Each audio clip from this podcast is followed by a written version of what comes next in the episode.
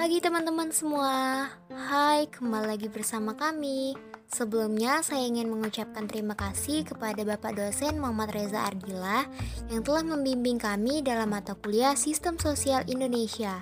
Sebelumnya kami ingin menyapa semua. Hai, aku Rabita.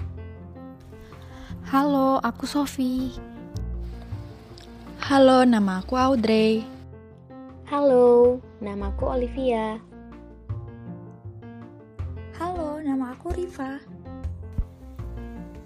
Halo, nama aku Nanda. Jadi, kali ini kami ingin menjelaskan tentang hubungan kemajemukan dan sistem sosial untuk pemenuhan tugas mingguan ini. Selamat mendengarkan podcast kami. Pluralis dan majemuk. Kedua hal ini sangat terkait dengan sistem sosial yang sudah terbangun di Indonesia. Seperti apa kedua hal ini sehingga terwujud sistem sosial seperti sekarang ini? Kehidupan manusia pada era globalisasi dan teknologi informasi modern yang semakin maju dan menjangkau seluruh lapisan masyarakat, bahkan batas-batas wilayah, maka manusia dihadapkan kepada serangkaian tantangan baru seperti bebas mengeluarkan pendapat, keterbukaan dan demokratisasi. Hal tersebut membuktikan bahwa bangsa Indonesia telah ditakdirkan hidup dalam suatu bangsa yang masyarakatnya dapat dikatakan sangat pluralistik. Indonesia adalah negara majemuk yang terdiri dari berbagai suku dan budaya. Kita tahu bahwa sistem sosial itu terbentuk karena adanya persamaan tujuan. Dasar dari kemajemukan atau pluralnya masyarakat di Indonesia yaitu karena adanya semboyan bineka tunggal ika, yang artinya berbeda-beda tetap satu jua. Prinsip ini yang dipegang oleh masyarakat Indonesia sehingga perbedaan yang ada atau kemajemukan yang ada di masyarakat tersebut terbangun saat ini. Dengan adanya prinsip, segala perbedaan yang ada dipadukan menjadi satu identitas. Maka dari itu, sistem sosial saat ini adalah kesadaran atas kesatuan dan kesamaan akan tujuan. Teman-teman, sistem sosial di Indonesia dibangun dari kemajemukan dan memiliki kesamaan dengan paradigma fakta sosial, yaitu selalu menuntut keseimbangan dan keharmonisan sosial. Apakah teman-teman menyadarinya? Sebenarnya, untuk memahami paradigma fakta sosial dapat ditemukan dari pengalaman bersama, seperti ayah dan ibu adalah figur utama dalam mentransformasi pengetahuan untuk anaknya. Sosok ayah dan ibu sangat penting untuk merealisasikan hubungan harmonis di keluarga.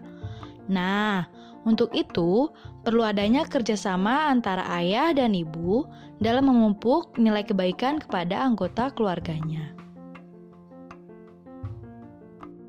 Nah, seperti itulah kondisi masyarakat Indonesia yang dari dasarnya sudah diinternalisasikan akan keharmonisasian sosial.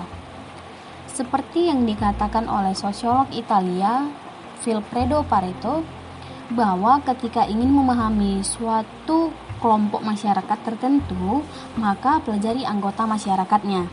Apa yang diajarkan, disosialisasikan, diinternalisasikan kepada masyarakatnya akan memberikan pemahaman akan kelompok masyarakat itu sendiri. Seperti apa kondisi pluralis dan kemajemukan di Indonesia saat ini? Kondisi pluralis dan kemajemukan di Indonesia saat ini belum sempurna, di mana masih ada konflik yang diakibatkan, seperti konflik antar etnis atau antar agama di beberapa daerah di Indonesia, perbedaan-perbedaan ideologi atau pendapat, sehingga memunculkan berita-berita yang sembarangan, dan masyarakat pun dengan mudahnya terpancing oleh isu-isu hoax yang telah beredar dari berita tersebut. Pada dasarnya, kelompok yang bergesek ini menginginkan keharmonisan sosial kembali. Mereka berbeda pandangan atau cara untuk mewujudkan keharmonisan tersebut. Tetapi pada dasarnya, mereka memiliki tujuan yang sama yaitu untuk mewujudkan keharmonisan sosial. Maka, di dalam konsep pluralis dan kemajemukan, setiap kelompok masyarakat yang berparadigma fakta sosial secara otomatis akan mengembalikan keharmonisan sosial itu. Mungkin ini saja yang bisa kami sampaikan. Sekian teman-teman, terima kasih telah mendengarkan. Nantikan podcast kami selanjutnya ya.